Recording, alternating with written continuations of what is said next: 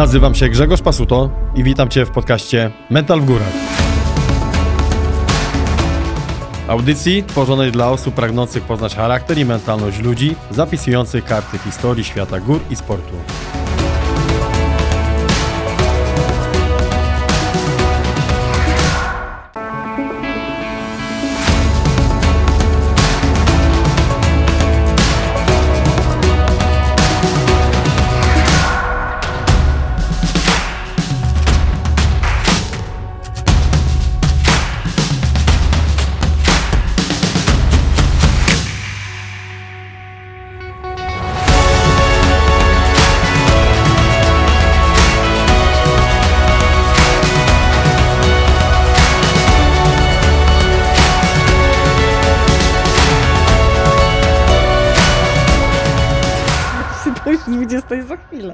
Mówię, że dwie godziny, że 18 do 20. No ale widzisz jak się gada, nie? No tak. No to ja też, wiesz, czasami to już nie pamiętam takiej, ty mówisz, przypomnij se, nie? No ale z drugiej No dobrze. Dobrze, wiesz. Dobrze, idzie, idzie wiesz, idzie, idzie, idzie spontan. No dobra, to Eee, jedziemy dalej? No, jedziemy dalej. Powiedz, y, mm, atak na, na. Czyli tak, zdecydowaliście się, że idziecie. E, robota jakby zabrała. Mm, była kwestia potrzeby tam już. Jak ta współpraca na komunizmu za drugim razem szła? Lepiej, gorzej? Lepiej, no poszliśmy większą bandą, Mhm. były tam też inne ekipy. E, Już nie popełniliśmy takiego błędu, y, współdziałaliśmy z innymi. Mhm. Ja też w międzyczasie nauczyłam się tego rosyjskiego, więc to już nie byłby dla mnie problem. I też nie byłam już taką dziunią, która pierwszy raz Mhm. jest w górach, już miałam jakieś tam doświadczenie, już ci ludzie niektórzy też mnie znali, więc inaczej do mnie podchodzili i to było już normalnie mm, traktowane, że ja na przykład szłam i po rosyjsku rozmawiałam, ej, słuchajcie, wy, a kiedy wy wychodzicie, no to wyjdźmy razem, a nie, że po prostu sami idziemy we Mhm. dwójkę torować jak, jak za przeproszeniem debile, no. E, w- czyli akcja na komunizmu za drugim razem Somoń, przebiegała. mówmy na niego Somoń. Somoń, Bo to okej. zbyt piękna góra, żeby ją Okej. tak brzydko nazywać. E, już jakby posz, poszła dobrze. E, ile trwał, e, powiedz mi, sam atak? Bo teraz tak, no to była taka wyższa, wyższy 7-tysięcznik, bo przedtem to było 7100, 7150, nagle wchodzi na 7450 i czy zapala się w głowie coś takiego, że hmm, 7,5 tysiąca, ciekawe jakby to było 8. Było coś takiego, że myślałaś, że już jesteś bliżej jakby takiego celu 8000? A czy wysokość? Na pewno tak, jeśli Mhm. chodzi o wysokość. Natomiast w ogóle nie brałam pod uwagę y, wyprawy na Mhm. ośmiotysięcznik ze względu na motyw, który się cały czas tutaj przewija, czyli motyw Mhm. fi- finansowy. No to, to są dużo większe koszty. Raczej to, co gdzieś tam zaczynało mi świtać w głowie, na podstawie tego, że wiadomo, jak jest taka wyprawa, no to ileś tych wieczorów się spędza w tych namiotach, czy w bazie, Mhm. czy, czy tam po drodze rozmawia się z innymi zespołami e, i ci wszyscy starzy Rosjanie ym, jakby kreujący ten kult Pabiedy, o ten, a ten był na Pabiedzie, ten, a ten, a to śnieżny bars. Więc raczej myślałam o tej Pabiedzie, żeby, no to dobra, jak tu się uda wejść, no to, no to spróbować teraz znowu spróbować dwa szczyty, jak się nie uda dwa, no to robić je rok po roku, ale właśnie e, Hantengry i Pabiedy i skompletować już tą Śnieżną Panterę. Natomiast o tym, żeby, żeby jechać na 8 tysięcy, to, to raczej... No, Jeszcze na myśli nie było. Nie, no bo to, to jest jednak duża, duża kasa. Okej, ale jakby istnieje też e, taka opinia, że szczyt, e, że kto był na pobiedzie, to troszeczkę takie jest przełożenie, jakby był na Everestie, że trudności, które tam występują, szczególnie klimatyczne, no dają, dają, dają Nawet więcej mówią, nie, nie mów, że byłeś Tak. na Everestie, powiedz, czy byłeś na Czy byłeś na pobiedzie. Tym bardziej, że E. no, na Everest większość osób wchodzi z tlenem, więc No dokładnie. tak naprawdę wchodząc z tlenem, oni są tak jakby byli na Leninie. Ale też, e, też 700. tak, ale też panuje mm, takie przekonanie, nie wiem czy ono jest słuszne, że też e, specyfika e, właśnie tych siedmiotysięczników e, Śnieżnej Pantery, e, czyli bliższe położenie e, Północy. pod K2, Broad Peak i tak dalej, że e, no jest ciężej, jest ciężej, Tak, że tak. jednak Nepal e, rządzi się innymi prawami, to troszeczkę inaczej Mhm. wygląda. E, Nawet Denis Urubko w jednej z książek napisał, że jeżeli zdobywasz e, siedmiotysięcznik właśnie w tych rejonach, to troszeczkę, no to nie powinieneś mieć jakby problemu ze, z ośmiotysięcznikiem e, w Nepalu, prawda? Mhm. E, Natomiast, e, czyli pik komunizmu zdobyty, pik komunizmu, to no musimy wam zdradzić, tam ktoś wychodzi, więc machamy. E, Pik komunizmu zdobyty, mm, 2007 rok, e, no i już 2008. 2008, no i już czułeś, że, że ta pobieda musi być. E, No musi, nie musi, bardzo się No. bałam, ale tak już zaczynała mnie kręcić. co, a co oni mówili o tej pobiedzie właśnie w tych jest namiotach? straszna i że ludzie, którzy ją zdobyli, to są ze wszechmiar godni szacunku i w ogóle to jest, to jest już coś. To są kozaki. Tak, To są dokładnie. kozaki. Podtrzymujesz to? Oj tak. Jesteś kozakiem. No nie. no jak nie? No jesteś kozakiem. O, myślę, że też miałam trochę szczęścia w tej papiedzie. No. Szczęście sprzyja lepszym, a lepsi to są ci, którzy są lepiej przygotowani. Dobra, no to yy, czyli tak, co było po tym 2008 roku? E, Czułaś w Polsce, Potem- że już y, twoje notowania trochę wzrastają? No bo nie było dużo kobiet, które by tak y, intensywnie eksplorowały te siedmiotysięczniki jak ty. No trochę tak, gdzieś tam już z jakiegoś PZA, jakieś dofinansowania, Mhm. oczywiście bardzo skromne, które, które gdzieś tam stanowiły nikłą część tego, tych wydatków i nadal to było na takim, no, jak tak zwany bezpakietny klient, Mhm. czyli żywiący się właśnie jakimś pire i cebulą w bazie, ale, ale już y, jakby da- dało się coś tam mm, załatwić, już nie, nie byłam tak traktowana jako jakaś tam dziewczynka, która pierwszy raz jedzie w góry. Twój E, sprzęt też y, polepszał się z wyprawy na Na wyprawę? pewno, na pewno. No jak byłam na piku Lenina, no to miałam o pięć rozmiarów za duże skorupy pożyczone. Kupione od kolegi i do nich dokupiłam sobie e, po prostu grube botki. 16 par skarpetek i... E, No, mniej więcej tak No. to właśnie wyglądało. Jakiś taki plecak na zamek w ogóle, taki szkolny, na atak szczytowy. No, jak widzę czasami zdjęcia w tym, czy tam wcześniejsze te wyprawy alpejskie w jakichś sweterkach. No nie było jeszcze polarów na przykład w szmateksach, a w sklepach górskich to wszystko było drogie. Potem pierwsze sponsoringi polegało na tym, że na przykład któryś sklep dawał nam jakieś polary, jakieś softshelle, jakieś tego typu rzeczy, czy tam właśnie potem już w tym 2009 roku tutaj, że tak powiem, znana marka, ale niestety upadła, na nasz tutaj taki to, topowa Polska przez dwóch Himalajstów stworzona nas wsparła, więc tutaj sprzętowo poszło lepiej. Do dzisiaj mam plecak od nich. Tak. I pojechałyśmy w ogóle w damskim składzie, bo jakby ja też miałam świadomość, że po, po, y, Polki, kobiety nie było na tej pabiedzie, więc Mhm. było już jakby Czy z kim jechałaś wtedy? coś e, z Aśką Stasielak i Olą Ignatowicz. Także w sumie w, w trzy dziewczyny, przy czym one miały jakby mniejsze doświadczenie, Mhm. więc potem wyszło tak, że na tego Hana to weszłam tylko ja, dziewczyny się wycofały z różnych względów, potem już nie chciały próbować, a na pabiedy już pojechałam tylko ja. No dobrze, czyli który to był rok? Bo 2009. Czyli planowałaś y, Hanna i... Hanna i Pabiedę. Tak, No, czyli na Hanie zaklimatyzować się dokładnie. Obie myślę, że to dziewczyny chyba trochę przestrzeliły z tą pabiedą, bo no one w ogóle już wiedziały potem, że nie. No okej, ale Tak na Hanie byłaś w jakim miesiącu? To był normalnie sezon letni, Lipiec, czyli... sierpień, tak, czyli, zawsze to był sezon letni. Czyli lawiniasto ewentualnie, bo tam w sezonie letnim Mm. jest trochę więcej śniegu Ale i... może tak, ja wchodziła, wchodziliśmy od, od tej północnej strony. Aha. Potem wchodziłam w 2015 od południowej, także Hanna Mhm. mam od obu stron zaliczonego. Natomiast y, to była ta droga mniej lawiniasta Mhm, właśnie. mhm. Y, Ale warunki były wtedy ogólnie takie dobre? Dobre, dobre, nie było. Myślę, że to teraz z każdym rokiem jest gorzej. Ale bo- mieliście jakieś wsparcie mężczyzn? No to E, wie, wiesz jak to mówią o tych wyprawach y, kobiecych, że no, no tak, tam Rutkiewicz niby też wiadomo kobieca, a tam hopy jechały z tą poręczą. Znaczy ja wiem, ale może powiedzmy w ogóle, że to, Mhm. to, to nie jest jakieś nie wiem, robienie nowych dróg w dziewiczym terenie, Mhm. tak? To jest droga de facto turystyczna, która jest ubezpieczona. Tam faktem jest, że te poręczówki, zwłaszcza w tamtych czasach, teraz się dużo e, poprawiło, tak, tak. ponieważ oni już mają świadomość, że na przykład e, ktoś zginie i rodzina poda ich do sądu, więc to jest zupełnie już inaczej. A w tamtych czasach, gdzie ktoś mógłby kogoś w Kirgistanie podać do sądu? Więc oni po prostu hulaj dusza piekła nie ma. Poręczówki były w 15 różnych kolorach i tylko ten, kto wiedział, e, Do której się wpiąć. który się z, gaj, z gajdami, że tak powiem, napił, to wiedział, które są z którego roku, Mhm.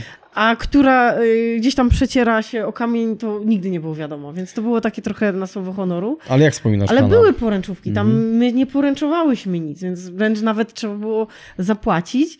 Żeby E, korzystać z tych tak, poręczówek. bo jak nie, to powiedzieli, no myśmy poszły na górę i już czekali na nas, powiedzieli, że bo wam tu spalą namiot, nie? Także to nie było, że myśmy miały jakąś taryfę ulgową, ale z drugiej strony... No było to już ubezpieczone, było, to dla was ubezpieczone, tak. tak, znaczy nie wszędzie na pewno, Ale w kluczowych momentach. ale tak, tak. Ale jak, jak wspominasz tego Hanna? On tak sprawnie ci poszedł? Tak, fajnie, fajnie go wspominam. No zresztą obydwa, że tak powiem, wejścia wspominam fajnie. No wiadomo, że trzeba wyczekać pogodę, bo myśmy strasznie długo tam siedziały. Tak? Strasznie długo siedziałyśmy w tym ostatnim obozie. Oni potem czekali na nas y, Kazachowie, chcieli nam wręczyć róże. I tyle czekali. Przywieźli je helikopterem w ogóle. E, znaczy dla nas, wiadomo, lepsze wrażenie robiło na nas jedzenie, ale, ale róże też na Nie nas dawaj mi róże, ale przynieś mi to dobre jedzenie. Ale te róże takie już były zwiędłe, bo Mhm. już po prostu nie spodziewali się, że będziemy tak długo czekać. No więc A to pogoda, tak? już, no No pogoda, trochę też ostrożność, bo dziewczyny na przykład się bały. Jakby ja już wiedziałam, że na dobrą pogodę to trzeba czekać w ostatnim obozie Mhm. i w tych niższych obozach czy na aklimatyzacji to samo, co dzisiaj mówię ludziom, na przykład na piku Lenina. No, nie patrz, że tam jest jedna czy dwie chmurki, dopóki nie ma naprawdę złej pogody, to trzeba tutaj działać, a gdzieś tam na górze dopiero e, Wyczekać. wyczekać na ten idealny moment, tak? Oczywiście no, nie mówimy o tym, kiedy prognozy y, zapowiadają, że będzie jakaś totalna, totalne załamanie wielodniowe, no to Mhm. uciekamy na sam dół, ale dopóki się da, to działamy, żeby wyczekać ten moment y, u góry. Więc myśmy tak powolutku, aż, aż zbyt ostrożnie się aklimatyzowały i myślę, że to spowodowało, że gdzieś tam się też zespół trochę y, wypstrykał z sił, Mhm. no ale mnie się udało wejść. W Ale czułaś, czułaś się właśnie podczas ataku szczytowego, e, że no też te siły są naczarpnięte? Czy jakoś tak to no ja poszło? też roztrzymam. Znaczy takim momentem dla mnie też znowu będzie tak, tak trup się pojawi. Momentem takim krytycznym było to, ja wiedziałam, że on tam będzie, bo on zginął rok wcześniej, że tam był taki Polak, który Mhm. zamarzł, jego się nie dało ściągnąć i on sobie tak leżał, tam jeszcze gdzie ja miałam, znaczy w końcu to mi tam przewodnicy lokalni zdjęcia jakieś dla ubezpieczyciela, dla rodziny, coś tam, ale generalnie on był jeszcze w takim jedynym miejscu, gdzie się dało stanąć. No ja tak stanęłam i głodna byłam i tak jem batonika, obok, obok leży trup, nie? Więc tak trochę, trochę też, też tak działa na psychikę i potem sobie szłam jeszcze sama. To znaczy były tam inne osoby, Mhm. tak? Natomiast to było inaczej jak się szło z kolegą żywym, z którym się mogło pogadać, Tak. a tutaj jem sobie i jednym Polakiem jest trup. Ale w, gdy ty uderzałaś na atak szczytowy, to dziewczyny już schodziły wtedy w dół? Nie, one się po prostu tam cofnęły. Aha, czy one wyszły z tobą na atak i Tak, i do tego się? obozu, w tym obozie się spotkałyśmy Mhm. później, bo one stwierdziły, że już nie i schodzimy na dół. I potem ja przyleciałam helikopterem, to też było taki troszeczkę myk, że my- że myśmy nie miały opłaconego tego lotu z północy na Mhm. południe, miałyśmy wchodzić od tej południowej, tej bardziej niebezpiecznej, lawiniastej strony, którą później wchodziłam właśnie w 2015, E, ale, e, że tak powiem, butelka z trawką taką w środku, z Polski przywieziona, Zrobiła robotę. E, I e, uśmieszki nasze e, do pilotów sprawiły, ponieważ oni powiedzieli, że i tak ten lot będzie najpierw na północ, a potem na południe, no bo tak e, jakby, Mhm. żeby za jednym lotem obrócić. Tych turystów wysadzić tu, tych tu. A my im wtedy mówimy, no to słuchajcie, polejmy to jeszcze. A może, może to zrobimy tak, to wy nas wysadźcie teraz na tej północy, a ten drugi odcinek z północy na południe zrealizujemy kiedyś tam później.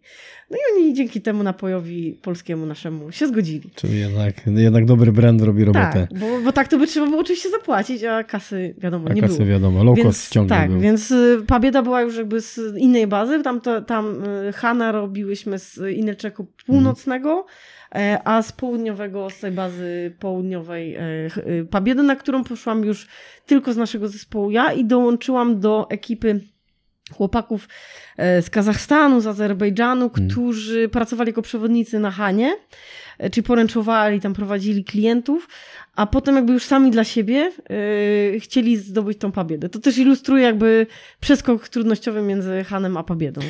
i Jaka była odległość pomiędzy zdobyciem Hana a przedostanie się na bazę, na samą bazę na pobiedę? No zaraz praktycznie. Zaraz no razu, nie tak? wiem, bo tam, nie no, była jakaś impreza, była może tam Aha. jakiś jeden dzień, ten, dochodzenie No do siebie wiadomo, po imprezie, było. ale to raczej było tak e, od razu. To nie A- było tak, że się siedziało Mm. tydzień. Dziewczyny już wróciły do Polski wtedy? Tak, one, Okej. znaczy doszłyśmy do obozu pierwszego, ale była zła pogoda. E, potem się tam już, że tak powiem, dziewczyny wróciły. Ja, ale, ona ja... na, ale ona na pobiedę je pojechała, poleciały z tobą, czy od razu tak, z Hana? taki, tak, tak, tak. tak. Czyli poleciały na pobiedę. Ale potem się wycofały, jakby to było obopól, za obopólną Mhm. zgodą. To nie było tak, że one mnie gdzieś tam porzuciły, e, bo na przykład e, był plan ustalony, a one stwierdziły nagle, że nie. Nie, to było jakby wiadome, że, że jak, jak się nie czują na siłach, no to co będą się działo w tej bazie. Nie? Tym bardziej, że ja nie byłam też sama, tylko byłam z No tak, chłopakami, no tak. Czyli e, no to czy ta pobieda spełniła twoje mm, wcześniejsze oczekiwania i takie twoje wyobrażenia? Wtedy w 2009 No. zdecydowanie tak, ponieważ to był e, no, ciężko tam, e, że tak powiem, dostałam po tyłku. Podmrażałam się, tam, że tak powiem, kolega musiał mi trochę, trochę pomagać, nawet zejść. Także było tam dosyć, dosyć grubo. Znaczy, jakby cho- chodziłam sama, ale, ale paluchy miałam tak podmrażane, że, że nawet potem y, to jeszcze było tak, że już miałam przebukowany bilet, a już nie miałam kasy, jeszcze schodziłam jako tragarz, bo ja nie byłam w stanie sobie na przykład rozłożyć namiotu, spakować czegoś, miałam po prostu tak Mhm. No, ale, ale podmarzane to, palce. to dobra, ale mm, czym się ta pobieda różni tak bardzo od tych innych szczytów, że jest aż taka ciężka? Znaczy to jest przede wszystkim taki mur, y, jakby góra, która jest murem między dwiema totalnie różnymi strefami klimatycznymi. To nawet widać, jak się popatrzy na mapy na Google. Y, Mianowicie od strony Tien Shanu są białe lodowce, y, jest, jest jakby wilgotno, od strony Chin, bo z drugiej strony mamy Chiny, jest sucho. Tych lodowców jest dużo, dużo mniej. Po drugie, y, mamy no właśnie wilgotny klimat, czyli mamy tam te jodły tienszańskie. Tien Shan jest w ogóle jeszcze bardziej taki malowniczy niż y, Pamir. Pamir to są bardziej takie czerwone, kolorowe skały, natomiast tam są właśnie te jodły, takie zielone lasy, tak bardziej powiedzmy alpejsko. Natomiast po drugiej stronie jest pustynia ta Klamakan, ona tam sobie leży dość daleko, ale ona determinuje Wpływa klimat. też, Tak. mhm. I dodatkowo te wszystkie jakby fronty powietrzne z jednej i z drugiej strony zderzają się właśnie nad tą Pabiedą, bo mamy siedmiotysięcznik, który wiadomo jeszcze kumuluje niżej i to się wszystko tam kotłuje. Nie ma też stacji meteorologicznych zbyt blisko, w związku z tym nie da się przewidzieć tych załamań Pogody. pogody. I właśnie tak było w kolejnym roku 2010, że po dwóch tygodniach stabilnej pogody, kiedy ludzie, którzy tam już chyba z pięć razy próbowali tą pabiedę zdobyć, już mieli ileś palców obciętych, które stracili na tej pabiedzie, nagle wchodzili od tak. No, moi koledzy mówili... Po prostu tej kolejnej- puściła. Tak, że co, co ty Olka mówi, że ta pobieda taka straszna, że tutaj odmroziłaś się rok temu, że, że kolega cię uratował, bo już tam chciałaś zostać, nie? A to przecież prosta góra, a nagle ona zrobiła Czyli pobieda to Mm. takie trochę zimowe K2. No trochę tak, znaczy nie wiem, nie byłam No na tak. zimowym K2 bym się tam pewnie nie pakowała. Czyli Ale tym, ciężka góra. Czyli w tym e, 2009, tak dobrze mówimy, e, jakby naj, inaczej, największą trudnością tej góry jest e, panujący klimat i warunki, które mogą na tej górze Tak, zapanować. Czyli przede tak. wszystkim bardzo duże wiatry, e, niska temperatura, skrajnie niska temperatura. Mm, Jeżeli chodzi o strukturę ściany, czy jest tam lawiniasto, czy jest to raczej, tak powiedziałeś, taki mur skalny? Miasto jest najbardziej na drodze Abałakowa, tej drodze pierwszych zdobywców, natomiast nie no, to nie jest mur skalny, są, są miejsca lawiniaste też, są miejsca Ale czy, tech, czy szczeliniaste. technicznie e, Ale ona... technicznie jakieś trudne to, to, to, Mhm. to, to nie jest. Czyli- Znaczy, nie jest to góra do wejścia tak zwana z kijkami, nie jest to góra e, zaporęczowana. Teraz pewnie się tam zmieniło, bo kilka lat temu to całe pierwsze plato się załamało, więc tam się zrobiło więcej szczelin i pewnie takich odcinków Mhm. trochę wspinaczkowych wymagających zaporęczowania może być więcej. To się zmienia też z roku na rok. Czasami ten do, dolny lodospad jest króciutki i łatwy, a czasami jest pionowy i po prostu ciągnie się plecak osobno, więc to się, to się zmienia, ale generalnie to nie jest jakaś góra ścianowa, wspinaczkowa. E, Czyli swoją e, taką wielką legendę ma na skutek właśnie tych warunków atmosferycznych, Mhm. o których mówiłaś. Czyli e, w tym 2009 e, do jakiej wysokości doszłaś? E, No na Pabiedę Zachodnią i jeszcze kawałek na grań, czyli to jest tam prawie 7. I tam Mm, siedzieliśmy też dość długo. Ja też, e, a czy mówię, ta, ta firma jest bardzo dobra, e, która nas wsparła w tym 2009, znaczy była, bo już nie istnieje. Natomiast po prostu te ciuchy były za cienkie. Więc ja przez Mhm. to też marzłam, a koledzy mieli może toporny, e, że tak powiem, poradziecki sprzęt, ale mieli takie grube, ciężkie puchówy, przez co oni marzli mniej. Nie? I to myślę, że to też spowodowało, że Organizm już- ciągle był tak, to nie, niedocieplony. już Mhm. hipotermia, odmrożenia i no i był taki moment, że kolega już mi mówi, no zjeżdżaj, ja mówię, no nie mogę, palce mi zamarzają. On, on mówi tak, to, bo ja tu z tobą zostanę i zamarzniemy oboje i wrony nam wyjedzą oczy. I wtedy ten, ta wyobraźnia, bo oni też tam pracowali jako przewodnicy, więc Mhm. też pełnili funkcję ratowników, opowiadali mi o tych wszystkich trupach, o tych różnych tam myszach, które wyczuwają, jak schodzi lawina i biegną przez cały lodowiec i zjadają. Więc to tak pobudzało wyobraźnię takiej historii grozy. Więc jak ja sobie wyobraziłam te wrony, no to tymi odmrożonymi rękami nagle się okazało, że jestem w stanie operować przyrządem zjazdowym i zjechałam. Aha. A w tym 2009, wtedy, gdy byłaś e, w tym odcinku jakby czasowym, w którym byłaś, były osoby, które pobiedę zdobyły?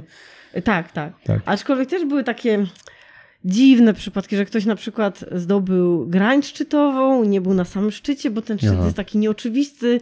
Trzeba jakby iść do końca, aż się już zobaczy, że wyżej się nie da, że już jest spadek. Ale można powiedzieć, Ale że... zaliczyli komuś na Mhm. przykład do śnieżnego barsa. No dla mnie to jest dziwne, no bo szczyt to jest szczyt.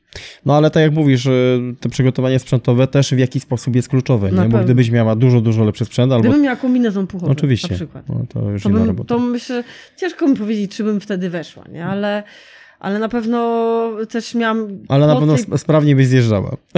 Myślę, że tak. Znaczy, jakbym miała porządniejsze łapowice No. i nie miałabym odmrożonych paluchów, to na pewno bym sprawnie zjeżdżała.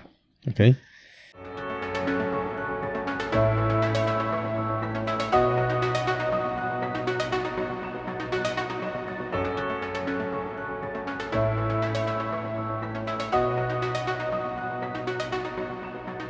Okej, czyli jeszcze raz. 2009 nieudane, 2010 jedziesz jeszcze raz. Mm, Jak przebiegał ten 2010 rok, w którym, tak jak wspomniałaś, świadomie dążyłaś już do, do zakończenia jakby projektu Śnieżnej Pantery, który tym projektem stał się, można powiedzieć, w trakcie. Dokładnie, tak to, tak to Mhm. wyglądało. E, No tutaj pojechaliśmy z, z inną ekipą. W międzyczasie powstał e, już ten program e, PHZ, Polski Himalajzm Zimowy. I to było tak, że ekipa z tego PHZ-u się wspinała Mhm. na Hana, a ja równolegle działałam, że tak powiem, komercyjnie na tym Hanie z takim jednym panem, klientem. On tam się cofnął, ale blisko szczytu, więc w zasadzie aklimatyzację sobie zrobiłam. E, Tamta ekipa też się wycofała. Potem z tamtej ekipy dziewczyny już zostały w bazie, a chłopaki też zresztą nie wszyscy. E, Różnie było. No i jedna osoba miała złe przeczucia i nie poszła, Mhm. bo lawiniasto, bo coś tam. Druga osoba też miała złe, złe przeczucia. Zresztą to był Wojtek Kozub, który rok później e, przeczucia go nie uchroniły i właśnie zginął na Blanku. E, Natomiast wtedy właśnie Wojtek się cofnął gdzieś tam po drodze. Także, także zostaliśmy e, w mniejszej ekipie, natomiast e, no, no jak przebiegała wspinaczka, A jak, przebiegała... jak odbierałaś właśnie tą kwestię, że no czujesz, że osoby się wycofują, że no miałaś już doświadczenie, bo byłaś doświadczonym jakby alpinistą i, i, no i czuję, że też osoby, które mają to już doświadczenie, no gdzieś tam e, wycofują się. Czy to obniżało jakby twoje morale, czy ty byłaś już tak nastawiona, że no ta pobieda musi być? No, bo mam tak nastawiona, że Aha. pobieda musi być. Chociaż no wiadomo, że jakby na przykład pogoda, jakieś takie racjonalne czynniki wpływały, że, że trzeba się wycofać, no to wręcz po tych, e, po akcji na przykład sprzed roku, to, to myślę, że wcześniej bym się wycofała, tak, żebym się na przykład już nie pchała do góry. Natomiast jeśli chodzi o takie czyjeś przeczucia irracjonalne, no to, to myślę, że nie, że no, trzeba do tego podchodzić Trzeba robić racjonalnie. swoje, trzeba robić No swoje, tak. ocenić to. No Ale- chyba, że się samemu ma przeczucie złe, tak? No właśnie, bo- bo masz też coś takiego, że mm, masz czuja i no, No miałaś sytuację, że jednak nie, nie, lepiej nie. No miałam sytuację, że mnie zdecydowanie Mm. gdzieś tam intuicja czuj uratował, to, to na pewno, nie? No ale intuicja to też nie jest nic magicznego, tylko to jest po prostu suma niezwerbalizowanych jakichś tam doświadczeń. I jeżeli intuicja ci mówi, to samo się uczy nie na kursach lawinowych, że wiedza wiedzą, ale musisz mieć tą, że tak powiem, drugą nogę praktyczną i po prostu idziesz i nie powiesz, że tu jest taka wystawa i taki kąt i coś tam.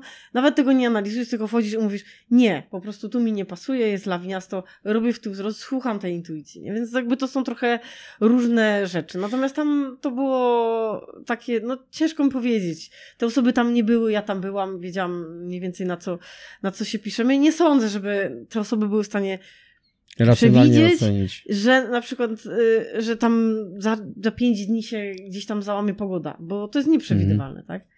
E, No ale pogoda w tym roku 2010 mówiła, że była całkiem niezła. No była bardzo długo dobra i myśmy spotykali schodzących. My idąc do góry spotykaliśmy schodzących ludzi, których gdzieś tam ja spotykałam wcześniej, czy znałam, czy nie znałam, ale oni schodzili szczęśliwi, bo tyle razy próbowałem, tylu moich kolegów zginęło na tej pabiedzie. A tu wszedłem, o tak, w ogóle super piękna pogoda. No jak nie ta, jak, jak Mhm. nie ta góra? Koledzy się tak pukali po głowach, coś to Olka opowiadała, że taka straszna góra, ona przecież taka spoko jest. Mieliśmy lepszy sprzęt, mieliśmy kombinezony porządne, puchowe. No i tak sobie ładowaliśmy, ładowaliśmy do góry. E, No i załamanie pogody nastąpiło właśnie jak byliśmy na szczycie. I to znaczy jak zaczęliśmy schodzić. Jak byliśmy na szczycie, to gdzieś tam w oddali widać na tych zdjęciach takie baranki, ale to były baranki, które nie zwiastowały takiego załamania. To były takie baranki, jakie się pojawiały po wczesnym popołudniem, tam Mhm. ko koło południa każdego dnia, więc to nie jest tak, że my zlekceważyliśmy jakieś tam em, dane pogodowe, natomiast wiem później od ludzi w bazie, że, że ktoś tam przyleciał, że nagle jest spadek ciśnienia, że oni już o tym wiedzieli, ale myśmy nie mieli takiej aparatury, mieliśmy słabą łączność, zdołaliśmy tylko przekazać, jak już rozbiliśmy namiot na grani, bo się ta pogoda załamała, Mhm. tam jedna z naszych kolegów też y, miał już problemy z chodzeniem. E, Więc rozbiliśmy namiot i przekazaliśmy informację, że byliśmy na szczycie, ale nie wiedzieliśmy w ogóle, co z tej informacji przeszło. No i potem padło nam radio i siedzieliśmy tam a, długo. Dwa dni i trzy noce. dwa dni. A atak szczytowy z jakiej wysokości był? Z tej pobiedy zachodniej. A, A czy tam jest generalnie czułaś, tak? jak, czułaś e, w dzień Mhm. ataku szczytowego, że to pójdzie? Tego Nigdy się nie wie, czy to No ale pójdzie. wiesz, ale jest, no ale je, tak powiedziałeś, była suma pewnych czynników, która Mhm. sprawiała, że tak wiesz, dzień wcześniej kła- kładziesz się spać, no mówisz, no byłam na tej wysokości, jest No pogoda tak. dobra i coś takiego, że żeby Nie no, w porównaniu z, tego, z tym, co było tam rok Mhm. wcześniej, to ta pogoda była o, o niebo lepsza i na pewno to było tak, że ja miałam takie poczucie, że, że idziemy po szczyt, Mhm. nie? A, a nie na zasadzie tak zwanego ataku rozpaczy. Tak, to na pewno. A Natomiast z kim byłaś w zazwyczaj- ataku szczytowym? E, z Krzysiem Starkiem, e, z Kubą Hornowskim, e, no i tam później jeszcze, jeszcze się wycofał właśnie Mhm. wcześniej Wojtek Kozub, jeszcze Daniel Piskosz się wycofał też No, wcześniej. czyli Także taka tak większa naprawdę- też ekipa, byliśmy- czyli tam byliście na dwa namioty. A tam już byliśmy, znaczy nie, na górze, na samym Mhm. już z tego najwyższego obozu już wystartowaliśmy tylko w trójkę. Aha, aha. Z, z Krzysiem i z Kubą. I właśnie y, żeśmy tam później sobie biwakowali te dwa dni czy noce. A jak szłaś do góry, jak szłaś do góry na szczyt, y, ile, ile zajęła atak szczytowy na pobiedę z tego ostatniego? Oj, już teraz tego nie pamiętam, bo to było trochę lat temu, ale wydaje mi się, że startowaliśmy o jakiejś o piątej. Mhm. Bo tam się też nie startuje jakoś bardzo wcześnie, dlatego że idąc y, trzeba widzieć, bo jak się pójdzie za bardzo w lewo, to można spać z nawisem na stronę kirgiską, a jak za bardzo w prawo, to z deską śnieżną na stronę chińską. Mm, no ale jakoś tak, mniej więcej koło, koło południa byliśmy na szczycie. E, chłopaki mocne też były? Tak, tak. Trzymaliście się razem? Tak, tak, Czyli, tak. czyli to też, y, że ta ekipa, z którą idziesz i ona też jest mocna, no to na pewno też to jest y, jakieś wsparcie, nie? Dosyć, Dokładnie. dosyć, dosyć no, to, to na pewno nie jest jak, o ile na Hanę mogłam iść sobie sama, bo tam, Mhm. znaczy sama, no szli inni ludzie, tak? Był E, ruch, był ruch, tak, więc- Znaczy nie jakiś duży, ja na Tak. szczycie byłam sama e, i tam dopiero po iluś minutach przyszli jac- jacyś inni ludzie. Natomiast na tą pobiedę, jakbym miała iść sama, to na pewno bym nie poszła. Mhm. Jakby moi koledzy powiedzieli, że no nie wiem, nie ma zagrożenia życia, że trzeba kogoś sprowadzać, ale po prostu, nie wiem, zostają tu, e, ty se idź, to chyba nie, bym nie poszła. to nie. Nie. E, Tym bardziej, że tam trzeba się wiązać. Okej, e, czyli po ataku szczytowym zeszliście do ostatniego obozu i... Znaczy nie właśnie, na gra... Mhm. nie dotarliśmy do tego obozu, na grani siedzieliśmy dwa dni i trzy noce. Aha, No i właśnie to było, a, a rosyjska ekipa siedziała, myśmy nie mieli ze sobą łączności, ale oni siedzieli kilkaset metrów od nas. Ale i tak byśmy im niewiele pomogli. Dopiero zobaczyliśmy tego trzeciego dnia, y, jak w końcu ruszyliśmy, żeby dotrzeć do, tej, do tego obozu na Pobiedzie Zachodniej, Mhm. Na tam 6900 coś, no to, to zobaczyliśmy zwłoki jednego gościa, to znowu było takie trochę szoku, szokujące, bo w ogóle nie wiedzieliśmy, że oni... że coś tam jakiś Myśmy myśleli, był. że oni poszli dalej. Mhm. E, A oni tymczasem zaraz się rozbili, ale była taka y, nawałnica, że praktycznie A czyli... tak nie mhm. byliśmy w stanie do siebie do, dotrzeć ani sobie pomóc. A wracając, no to czyli co, używali, mieliście jakiś sprzęt biwakowy? Tak, tak. Tam się atakuje tak, że. Znaczy kiedyś w ogóle się jeszcze robiło e, pod tym obeliskiem jeden obóz, Mhm. ale no w tej chwili.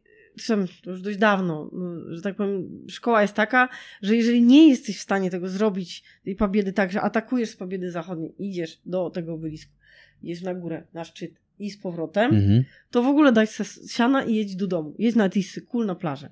Natomiast jeżeli jesteś w stanie, to i tak się zabezpiecz i w tym 2009 właśnie tam siedzieliśmy najpierw pod tą warzą w czyimś namiocie, Mhm. e, czy jakoś tam większą ekipą poszliśmy, był jakiś jeden, czy tam potem jeszcze ktoś drugi namiot roz, e, rozłożył i e, awaryjnie bierzesz sobie namiot, który zostawiasz pod tym obeliskiem, no bo tam na samej górze to tam Mhm. nawet nie ma szans przetrwać, no i myśmy ten namiot sobie z tego depozytu wzięli, uszliśmy tam jakiś odcinek, natomiast potem ani już się iść nie dało, ani nie było widoczności. Po GPS-ie też nie pójdziesz tak co do metra.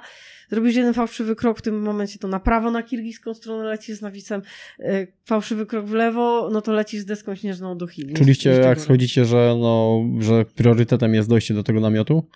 Gdzie E, mieliście w- No pod tym tak, no ale priorytetem schowany? było to, żebyśmy byli razem, razem zespołem. Mhm, nie? I mhm. to, to było tak naprawdę priorytetem. Nie było czegoś takiego, że na przykład to jeden z kolegów tam je- jest słabszy, to a nie wiem, a ja jestem mocna, to ja Aha. se idę. Nie? Więc priorytetem było to, żebyśmy doszli, ale wszyscy w komplecie. Okej, czyli schodzicie do tego, tak jak powiedziałeś, obeliksu i, i No rozbijacie... jeszcze dalej. Tak, jeszcze dalej. kawałek dalej. Póki się dało, rozbiliśmy się i tam kiblowaliśmy. Mhm. Nie wiedzieliśmy, że Rosjanie, którzy jak byliśmy przekonani, poszli dalej, a oni dosłownie no pewnie 500 400 metrów dalej e, się rozbili i, i tam jeden z nich jeszcze zmarł. Ale oni byli niezaklimatyzowani, tam troszeczkę Aha. też szli po bandzie ze sprzętem, no. A na ten czas biwaków mieliście wystarczająco jedzenia?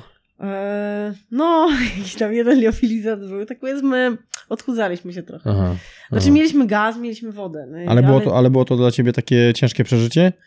No trochę tak, no to jakieś siedzenie Bo, dwa dni, trzy noce. bo to... nie wiedzieliście, kiedy poprawi się pogoda. Nie, dowiedzieliśmy, że nas tam może zasypać. Wiedzieliśmy, że na tej pobiedzie bywały przypadki, że nawet Mhm.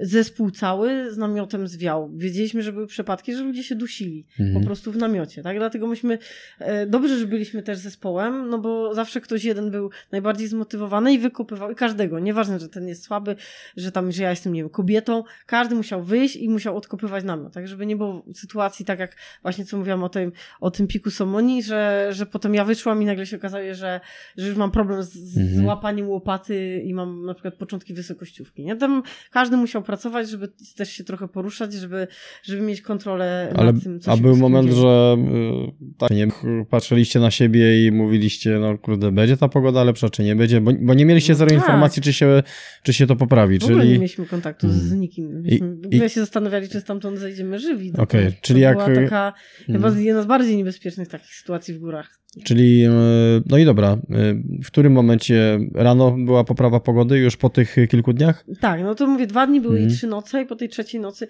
my też już wiedzieliśmy, że nie możemy tu siedzieć i Mhm. że Trzeba to już jest one way, no trzeba się wziąć i iść, nie? No i, i szliśmy, szliśmy, jeszcze zobaczyliśmy tego nieboszczyka, no to tak trochę znowu człowiek dostał takiego kopa, że, żeby stąd uciekać, Mhm. bo, bo to mógł być ktoś z nas. E, Namiot w ogóle zostawiliśmy, czekan koledze zasypało, no taki był opad śniegu, namiot się nas kładł cały, Mhm. że czekana nie mogliśmy znaleźć y, w przedsionku leżącego. Namiot porzuciliśmy, a ten namiot był też bardzo duży wydatek, więc nie byliśmy skłonni, tak jak, że tak powiem, zamożne zespoły, że porzucamy, porzucamy sprzęt. No, to grubo, grubo. Powiedz mi, No, schodząc, schodząc w dół, już y, ta widoczność i No warunki były było akc- jeszcze, myśmy szli granią, No no tak, ale- doszliśmy na tą pobiedę zachodnią, a tam Rosjanie okazało się, że oni uznali, że my zginęliśmy. Po Mhm. raz kolejny, już nie raz uzna- uznawali. To bardzo ludzie lubią uznawać, że ktoś zginął, szczególnie jak jest na przykład jego jedzenie i gaz do wzięcia. Aha, aha, Więc no. oni uznali, że my zginęliśmy, w związku z tym zeżarli nasze żarcie. Co niewątpliwie nas Ma sens, ma e, sens. po tej, e, że tak powiem, kuracji odchudzającej tam na grani troszeczkę wkurzyło. Pamiętam, że naszą jamę zasypało dość mocno, trzeba było do niej aż tak Mhm. nurkować. E, No i tam jakieś resztki wyciągnęliśmy. I siedzieli tam Rosjanie, wyrili jedną jamę, myśmy byli w tej drugiej, z jakąś inną rosyjską ekipą siedzieliśmy też tam znowu jeszcze jeden dzień, dopiero kolejnego dnia żeśmy zaczęli zejście i to też było takie, że oni tak siedzieli, już się wzajemnie w tej jamie nakręcali, że będą umierać. I to po prostu ja wtedy mówię, nie, ja nie zamierzam umierać, ja, ja chcę schodzić, schodzimy jutro, nie? I tam, no i potem zaczęło się to zejście, natomiast ono też znowu było dramatyczne, bo już znowu kolejne namioty były porzucone, bo były połamane. Więc potem była taka noc na 6400, myśmy tylko, tylko tyle urobili w ten jeden dzień, że Bo trzeba było to wszystko przetorować znowu w tak, dół? to, ja pamiętam taki, takie mam nawet zdjęcie, że gościu turuje dosłownie po głową, czubek głowy mu wystaje ze śniegu, że tam lawina nie zeszła. No to było tak, że już po prostu no było lawiniasto, ale nie Mhm. było innego wyjścia, więc to była tak fakt niebezpieczna sytuacja.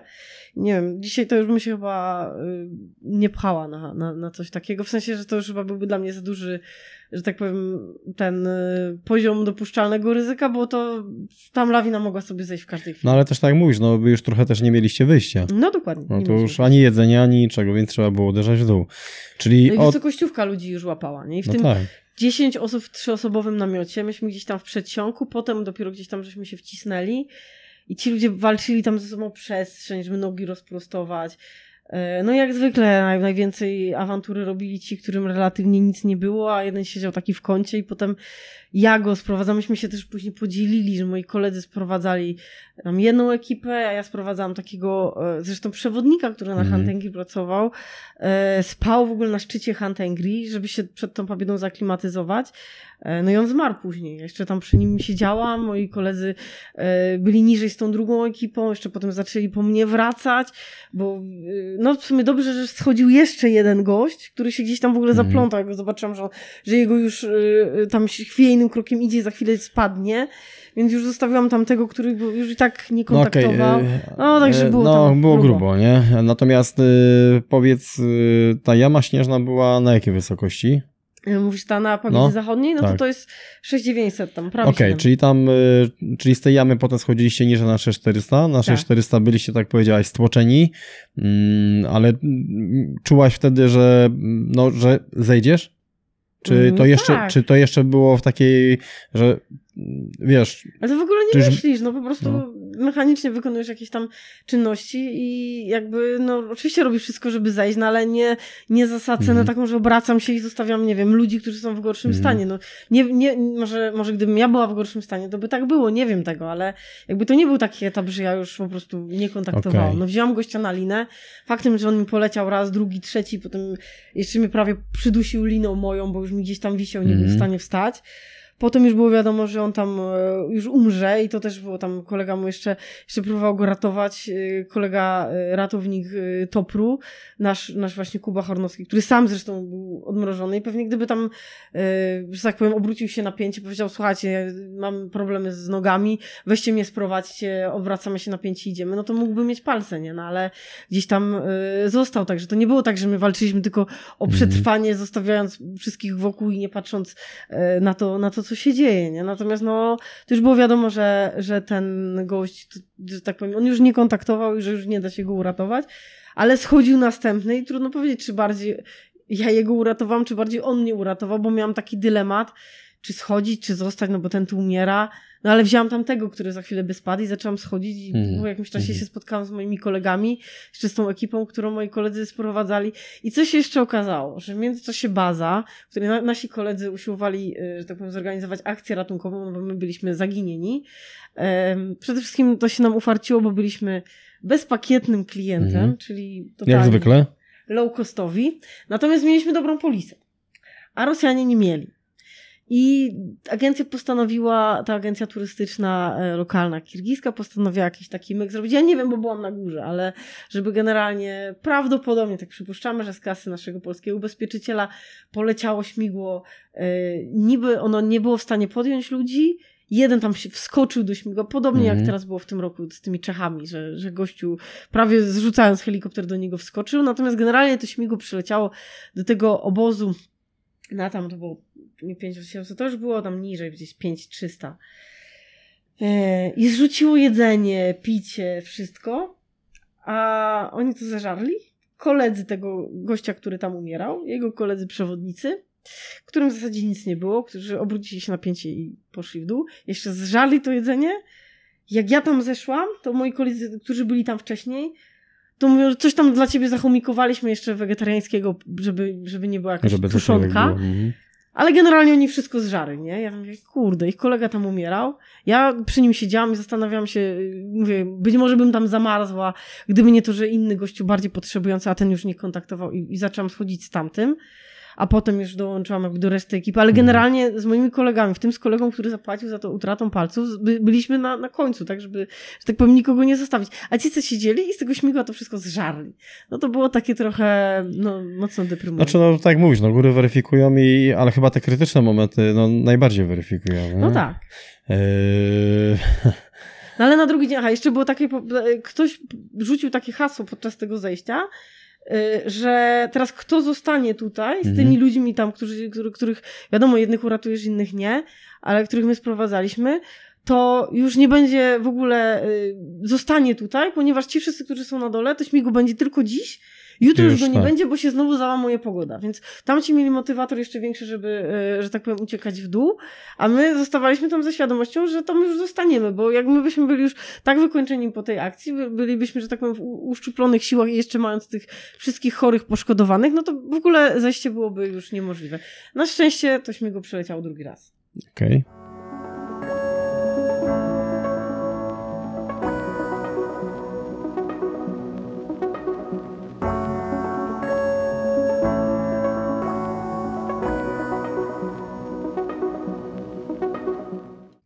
Czyli tak, z 6400 na 5300, tam już y, no, dużo jakby tragedii się działo. Y, Czyli z 5300 potem został ostatni y, Znaczy odcinek. nie, tam to śmigło już, no, Aha. myśmy wszyscy zlecieli tym śmigłem, bo Mhm. jakbyśmy mieli tych ludzi jeszcze ściągać, no to praktycznie byłoby to nie do zrobienia. Było wiadomo, że, bo to był wielkie śmigło, Mhm. to było takie mi, Mi ósemka 17 pewnie. Mi ósemka chyba, czy albo mi ósemka. 17. No któraś z tych dużych, nie? Więc tam się po prostu wszyscy, tylko że najpierw załadowaliśmy tych najbardziej Mhm. chorych, a potem ono przeleciało na drugi raz i raczej nikt się nie, nie palił do tego, żeby tutaj w imię Była- stylu schodzić, bo Mhm. myśmy już byli też tą akcją po prostu wyciągani. Była ulga, y, widząc śmigło, gdy na, nadlatywało? Była, była, tak. Ale była też ulga dlatego, że się okazało, że to właśnie też jakiś był myk z tym naszym ubezpieczycielem, z którego oni skorzystali. Mhm. Prawdopodobnie w ogóle jeszcze sobie zwieźli bazę na, na koszt tego naszego ubezpieczyciela. No bo my wiedzieliśmy, że nasz Kuba nie jest w stanie chodzić, a my jak mielibyśmy chodzić cały jeszcze ten trekking, yy, znosić te wszystkie rzeczy na kilka razy, no to jak się okazało, że tak, że y, przywitali nas koledzy nasi w bazie i mówią, tak, macie lot na dół, no to to była kolejna ulga. Bo jak my byśmy mieli tam schodzić, e, no, te nogi odmrożone, to bolą nieziemsko, nie? Więc jak on miałby iść, czy my byśmy mieli jego nosić Mhm. na barana i jeszcze rzeczy Nie, nie, to nawet, to nawet kwestia... to nie, byłaby w ogóle masakra gorsza niż ta pobieda. No Kuba i tak y, Także- finalnie mówiła, że coś no, tam stracił. stracił palce nie? i to no. dużo, nie? Czyli pobieda ma swoją cenę. No ma. I tak to nie była najwyższa cena, no bo mówię, no zginęły tam y, w sumie trzy osoby. Jeden, jeden ten, co go widzieliśmy Mhm. na grani, drugi, jeszcze myśmy go nie widzieli, ale też gdzieś tam zmarł, tylko nie wiem, być może ciało było gdzieś dalej, my go nie widzieliśmy. No i ten trzeci, którego ja sprowadzałam. Natomiast na pewno gdyby nie to śmigło, czy gdybyśmy, nie wiem, my się obrócili na pięcie i poszli na dół, a nie sprowadzali tam tych, nie mieliby sobie tam, nie wiem, radzić sami schodzić, to tam byłyby jeszcze trzy trupy minimum. E, jak byliście już w bazie, mm, odetchłaś z ulgą? Który, No był, tak, który aczkolwiek- był taki moment, że ty odetchłaś z ulgą, że mówisz, no y, uratowana? Znaczy nie, no to w ogóle nie było czasu odetchnąć z ulgą, bo to Mhm. myśmy wylądowali zaraz, tutaj koledzy mówią, już nam, namiot spakowany, lecicie Mhm. na dół. No i na, na dole w tych kombinezonach żeśmy wylądowali na trawie, nie? Więc to było, no, no był, był moment ulgi, okej, że nie musimy teraz z Kubą odmrożoną, bo już wiedzieliśmy, że z nim jest źle, że Mhm. nie musimy teraz schodzić e, tym trekkingiem, no ale tak naprawdę w bazie, no i potem oczywiście był, był że tak powiem, wieczór. No. Standardowy, standardowy No wieczór. nie standardowy, właśnie to, wtedy trzeba było. No już po takich akcjach to trzeba tam trochę mocniej sobie, że Od- tak powiem, zaimprezować. no. Zresetować, nie? Tak, ale skończyło się tak, że, że milicjantka się wzruszyła. bo, że tak powiem, a tak trochę śmieszna, śmieszna historia. W każdym razie przyjechała milicja e, i, a myśmy nie mieli dokumentów, byliśmy totalnie pijani. E, I ja słaniając się, trzymając się gdzieś tam na ramieniu kolegi, zaczęłam opowiadać o tej pabiedzie i milicjantka się popłakała. To też a propos tego, że, że się tak kojarzy jeszcze w tamtych czasach, że ojejku, tą milicja, łapówki od turystów biorą. Normalnie ta kobieta się popłakała i powiedziała, dobra, nie chcemy już waszych paszportów, wiemy, słyszeliśmy o tej całej akcji, e, idźcie, tylko już dojdźcie do tego swojego campingu, idźcie już spać. To dla nich też to na pewno było, wiesz, tak powiedziałeś, słyszeli o tym wcześniej. tak, też no to, o, to była świeża też, akcja. też o pobiedzie nie jedno już wcześniej słyszeli, więc wiedzieli, jakie tam są Znaczy, trudności. to było w Karakołu, to było w mieście, No. więc myślę, że oni tam milicjantka się nie orientowała, ale, ale no to było też takie ludzkie, że ona się tak wzruszyła i dała nam spokój, bo po prostu, znaczy nie, nie że coś tam robiliśmy złego, no ale wiadomo, że była, było, Było, trzeba trochę było tak. poim, poimprezować i, i Żeby- się że- napić, żeby odreagować. żeby reset tam, był, nie? To, co się Mm. tam działo. E, Wróciłaś do Polski, e, skompletowałaś, e, no był to ostatni szczyt. Powiedz mi, jakie na tobie wrażenie takie finalne ta pobieda zrobiła? No bo wychodzi na to, że ona całkowicie zasłużenie ma, No zasłużyła tak. na swoją opinię. Tak.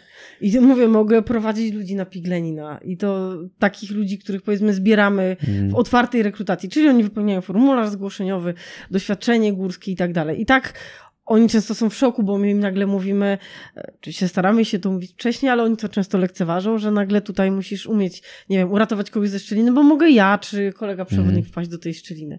Mogę, nie wiem, iść na Hantengri, y, też zaczęło mi się iść. To czy tu, tu już nie pójdę z taką osobą, jakiś tam otwartej rekrutacji, muszę tą osobę znać, gdzieś tam być z nią wcześniej, ale pójdę. Natomiast na pobiedę nigdy bym za żadne skarby nie poszła. E, nawet tak jak chodzą ci Rosjanie, Kazachowie, że ich tam idzie dwóch przewodników na jednego klienta. No nie, po prostu, po prostu nie. Odcisnęło piętno. Tak, no gdzieś tam były, próbowaliśmy ten, ten trawers, ale no mówię, to by trzeba mieć naprawdę super formę, super y, okres długi, Dobrej pogody. okres stabilnej, przewidywalnej, dobrej pogody, co tam praktycznie jest no prawie niemożliwe, więc Nawet się nie wbiliśmy w ten Ale nie, nie, nie zdradzajmy, bo tam ta pobieda jeszcze by, była w twoim życiu, się przewinęła, e, ale to może gdzieś w innym jakby mm, aspekcie o tym powiemy. Natomiast, no tak, no dużo już jakby o tych wszystkich rzeczach powiedzieliśmy. Zawiało grodzą dosyć mocno, No ale też może myślę, że płynnie przejdziemy też do kwestii szkoleniowych, które ty mm, prowadzisz, no bo w twoim e, CV także jest 8000 Gesherbrum, e, drugi, który e, zdobyłaś, to był bodajże 2011 11. i Mhm. 2013 tam była ta osławiona wyprawa pod Nanga Parbat. Mm, O, bez, Bez szczytu. wiadomo co Wcześniej tam. jeszcze w 10 też próbowałam tą nangę. Wtedy Tak. wyżej w sumie doszłam do 8 No. tysięcy. Także jakby też masz za sobą doświadczenie no 8000, e, no ale ta pobieda to już mówi i to, i to co powiedziałaś, ja myślę, że wam też chyba ciarki przechodziły po, po plecach, że no to jest konkretny, konkretny temat i, i konkretne doświadczenie. I teraz y, od y, kilku, no kilku już dobrych lat prowadzisz też y, firmę, czy tak powiedziałaś, teraz jesteś y, 10 y, lat. 10 W lat. zasadzie 11, no bo powiedzmy marka powstała w 2010. Mhm. Zresztą po tej wyprawie na Pabiedę, bo to był ta, taki moment, no wiadomo, człowiek siedzi te dwa dni, trzy noce, no to Mhm. robi sobie bilans życia, nie ma, nie ma co, no i, i wreszcie tak zaczyna człowiek myśleć, nie, no to, to jakiś trzeba mieć plan na to życie. No to może połączyć właśnie tą pasję i Wtedy też y, myślisz tak bardziej autentycznie, tak? Mhm. Czyli nie będę, nie wiem, pracować na uczelni, co mnie w ogóle nie kręci i Ale ty ten mi- doktorat skończyłaś, czy nie? nie, nie. Właśnie trochę chyba ta pobieda zdecydowała, że... Zweryfikowała. E, że gdzieś tam, znaczy to różne się czynniki. Myślę, że gdybym trafiła na innego pr- promotora, na inne trochę y, gdzieś tam, Mhm. czy inne uczelnie, czy, bo miałam też później jakieś tam inne pomysły, natomiast no to może byłoby to do zrobienia. Ja myślę, że popełniłam trochę taki błąd, że się dałam nakręcić, żeby od razu iść na, na ten doktorat, a Mhm. gdybym ja sobie zrobiła z dwa lata przerwy, może też wtedy mogłabym popracować dla kogoś, bo ja musiałam od razu zaczynać jakby jako swoja marka, bo ktokolwiek by mnie zatrudnił, wiedział dobrze, że ja bym potem, że ci klienci poszliby za mną i że ja prędzej czy później, zwłaszcza, że te wszystkie wyprawy swoje to tak naprawdę przeważnie to ja organizowałam, byłam tym takim kierownikiem organizacyjnym, znałam języki i ogarniałam to wszystko, e, więc było wiadomo, że ja i tak stworzę coś swojego. Więc jak gdybym ja sobie tak popracowała może dla kogoś, a potem poszła sobie na jakiś doktorat, wy, wykorzystała na przykład gdzieś tam to już e, pracę w turystyce, żeby to połączyć z tym doktoratem, może to by się udało, by- ale, się- ale jakby jeśli chodzi o pracę na uczelni, to zdecydowanie teraz jeszcze bardziej niż wtedy cieszę się, że nie pracuję w tej branży. Ale finalnie no, stało się jak stało. Natomiast y, jakby aktywnie, tak jak powiedziałeś, że 10 lat prowadzisz szkolenia i powiedz, y, w jakim zakresie prowadzisz te szkolenia? E, To znaczy prowadzimy w ogóle jako Mhm. Bluemu, jako, jako nasza firma, nasza Biuro Podróży Górskie i Szkoła Górska. Prowadzimy kursy, e, jeśli chodzi o te zimowe, to są, bo teraz mamy sezon zimowy, więc jakby one są najistotniejsze, no to mamy kursy turystyki Mhm. wysokogórskiej, podstawowe i zaawansowane. Mamy też kursy skiturowe, mamy lawinowe. Mamy też to taka nowość, którą wprowadziliśmy e, w tym roku. Myślę, że jako taką odpowiedź na zapotrzebowanie osób, które chcą dopiero zacząć przygodę górską i niekoniecznie od razu chcą iść w zimę, tylko chcieliby się nauczyć na przykład chodzić po feratach, jakichś podstaw asekuracji, ale nie chcą w ogóle się wspinać. Oto mam jeszcze kurs e, turystyki letniej, górskiej. Mamy też kursy skałkowe, znaczy to nie ja prowadzę, ale mamy Mhm. Jest w tutaj koleżankę firmy. y, Igę Marszałek, która robi kursy skałkowe, także gdzieś tam to nie zawsze mamy, że tak powiem, szkoleniowców, bo oni są rozchwytywani, ale mamy też kursy medyczne, y, pierwsza pomoc w górach, y, mamy kursy fotografii górskiej, tylko mówię, one jakby nie zawsze są w ofercie, bo, bo tutaj, że tak powiem, szkoleniowcy są rozchwytywani, także nie wszystkie z tych y, kursów, Mhm. które prowadzimy, prowadzę ja, no bo pewnie o fotografii górskiej to bym tam, no jakieś zdjęcia zrobię, ale nie tak, będę no, no ty też masz nie? po prostu swoją specjalizację tutaj, Dokładnie, więc, więc y, ja i głównie- to szkoda by było Mhm. marnować jakby tutaj ciebie na, na nie słuchaj, y, marnować, robienie no. fotek, nie? Znaczy nie, no myślę, że to właśnie fotki, no to niech robi ten, kto robi dobre No, fotki. no Ktoś na tym znak, to jest przede wszystkim fotografem, a na drugim miejscu chodzi po górach. Czy nie wiem, medyczny, no to niech ktoś, kto jest medykiem, a oprócz tego działa w górach. No ja, ja prowadzę kursy głównie y, i najwięcej jakby one się cieszą największym y, zainteresowaniem to są kursy turystyki wysokogórskiej, czyli tak naprawdę to jest to samo, co kurs turystyki zimowej, tylko u nas jest to czy to jest mniej więcej analogiczny program jak ten kurs, y, ten program PZA, ale bardziej sprofilowany pod góry wysokie, y, Czy ja, No bo, czy no, no bo tak, no Mhm. bo w, to też chyba tak y, u ciebie funkcjonuje, że mm, ty możesz pilotować osobę od samego początku, czyli począwszy od kursu pierwszego stopnia, Mhm. po załóżmy w dalszej perspektywie drugiego stopnia, potem ewentualnie idziemy tutaj Glossgruckner, załóżmy potem Mont Blanc. Finalnie taka osoba może mm, z tobą wylądować na piku Lenina. Dokładnie. A czy często to jest tak, że nawet yy, powiedzmy osoba już po kursie podstawowym może pewne rzeczy robić. E, oczywiście ona mnie nie wyciągnie ze szczeliny, jeżeli Mhm. ja wpadnę do tej szczeliny, no ale też jeżeli ja idę na przykład na Kazbek, to wiadomo, że jakby nawet jeżeli, a wpadłam kiedyś do szczelin na Kazbeku, tylko że to było na wiosnę, tam prawie miesiąc nikt nie chodził, to były trudne warunki i wtedy idzie nas tam kilka zespołów i zawsze są koledzy przewodnicy, Dokładnie. Gruzini, czy ktoś, kto mnie z tej szczeliny wyciągnie, on nie musi tego umieć, tak? On nie musi umieć sam założyć zjazdu, bo raczej zjazdu nie będzie, a jeśli będzie, bo jest na przykład jakaś awaryjna sytuacja, nie wiem, oblodzenie, jakiś tam niestabilny śnieg, to ja go do tego zjazdu wepnę, on będzie no, musiał tylko nie ukrywajmy, na tak sekwencję. jak powiedziałeś, na takich szczytach typu Kazbek, to raczej to jakby nie powinno się No raczej nie, się stać, ale no nie? różnie, różnie bywa, jakby zawsze trzeba być przygotowanym.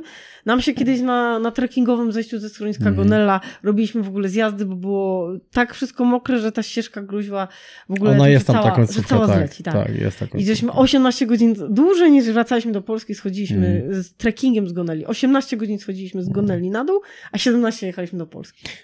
I masz takich klientów, którzy właśnie zaczynali swoje pierwsze kroki, stawiali i, i kończyli na Leninie? Tak, znaczy może no nie zawsze na Leninie, to jest trudno powiedzieć, czy kończyli, bo, Mhm. bo czasami te osoby potrafią wrócić po, no nawet mieliśmy pana, który wrócił po 9 latach. Mhm.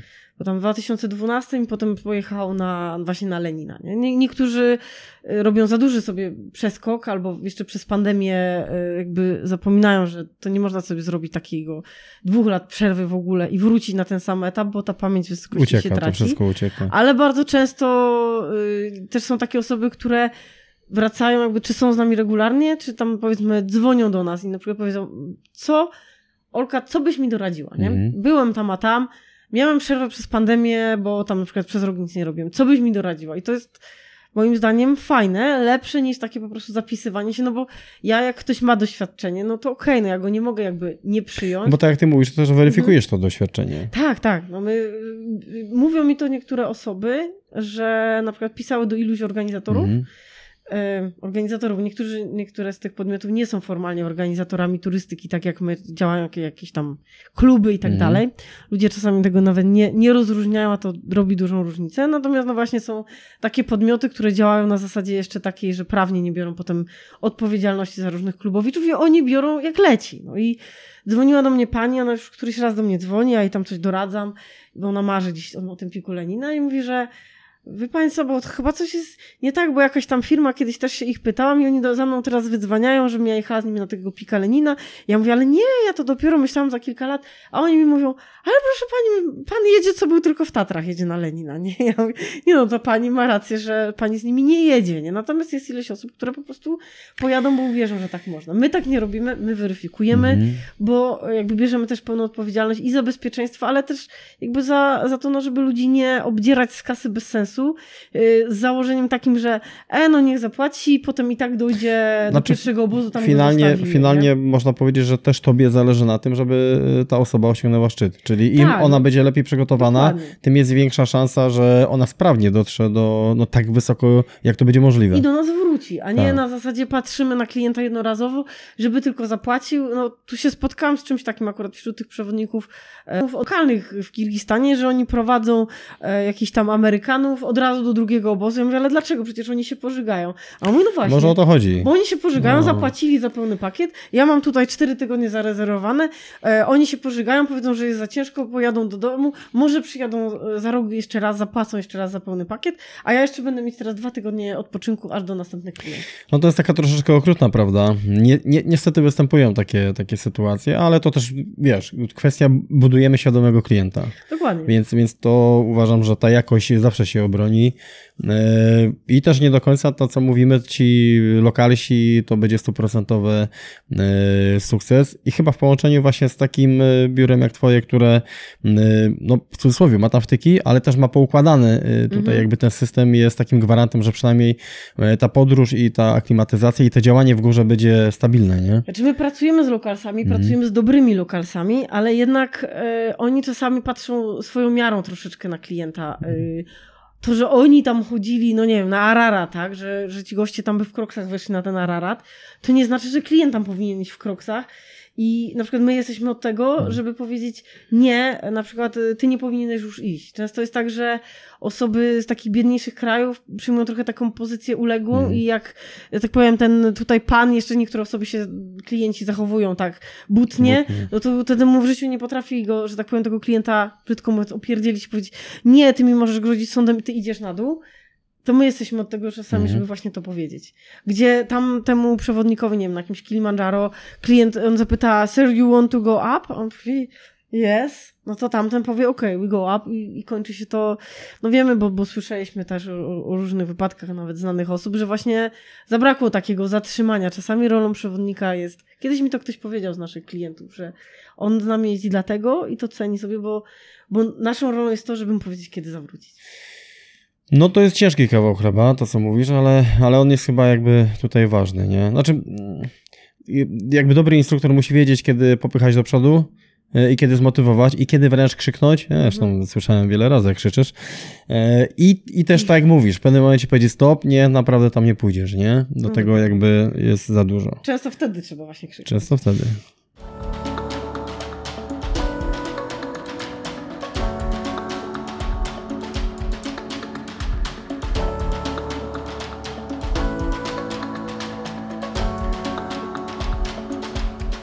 No, tematów jest jak rzeka. Byliśmy ustawieni dzisiaj, słuchajcie, na dwa podcasty. Eee, kończymy po dwóch godzinach pierwszego. W pewien sposób to dobrze, bo tego materiału jest dużo i ja myślę, że ktoś, kto obejrzy mm, tego podcasta, to będzie miał naprawdę taką solidną dawkę wiedzy, szczególnie jeżeli mówimy o kobietach. No bo reprezentujesz tą płeć piękną i e, a tych kobiet w Tatrach jest coraz to więcej i ja jestem świadkiem e, nawet takich sytuacji, że zauważyłem, że na szkoleniach, e, szczególnie tej turystyki jakby pierwszego, drugiego stopnia, to finalnie okazuje się, że kobiety paradoksalnie, płacąc za szkolenie, więcej wymagają od instruktorów niż mężczyźni. Że kobiety jako szefowe instruktorów? Nie, nie, że kobiety, jak, które, kursantki. które kursantki, mhm. które płacą, jakby one tak by miały świadomość, że e, one wiedzą za co płacą i one faktycznie chcą się finalnie chcą się tak. dużo nauczyć. Natomiast mężczyźni często to e, traktują jako wyjazd integracyjny, no niestety u ciebie to nie przechodzi I, I, różnie to się to kończy. Od razu ci, którzy by się chcieli tak. za, zapisać na kurs, znaczy nie, no to można, my nikomu nie zabraniamy. Nie ma prohibicji, ale jest, że tak powiem, tak Robota... ustawiony program, że nie ma kiedy. Nie ma kiedy, nie ma kiedy jak, a jak ktoś sobie, że tak powiem, wynajdzie ten czas, to raz, że jest niewyspany, a dwa, że potem ma szkolenie, tak. ma operacje sprzętowe w warunkach deterioracji wysokościowej, e, kacowej.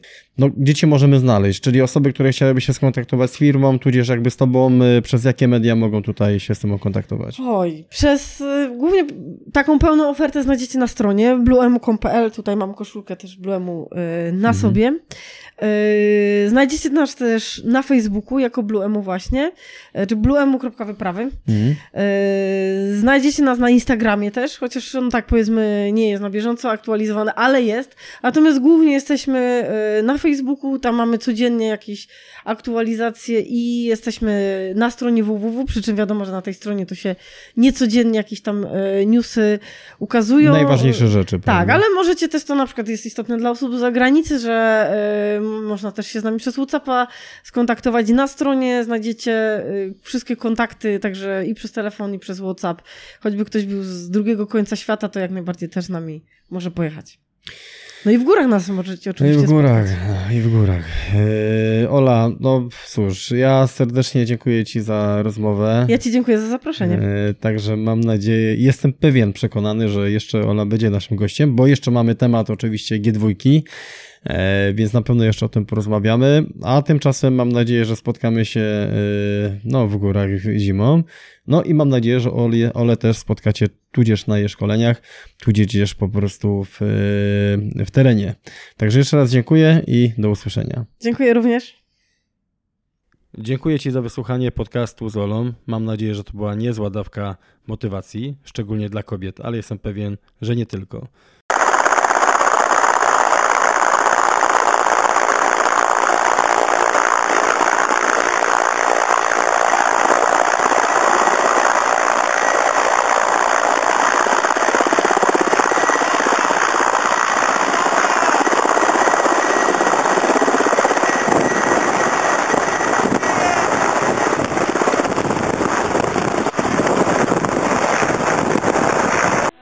Partnerami podcastu są Paris Adventure, czyli szkolenia górskie, turystyka zimowa, skitury, spinaczka, które mam przyjemność prowadzić wraz z kadrą najlepszych instruktorów oraz Expo Sklep. Sklep z odzieżą i sprzętem górskim, który ma swoje sklepy stacjonarne w Będzinie i w Bielsku Białej oraz oczywiście prowadzi sprzedaż internetową. Poza dobrą ofertą, profesjonalne doradztwo gwarantowane.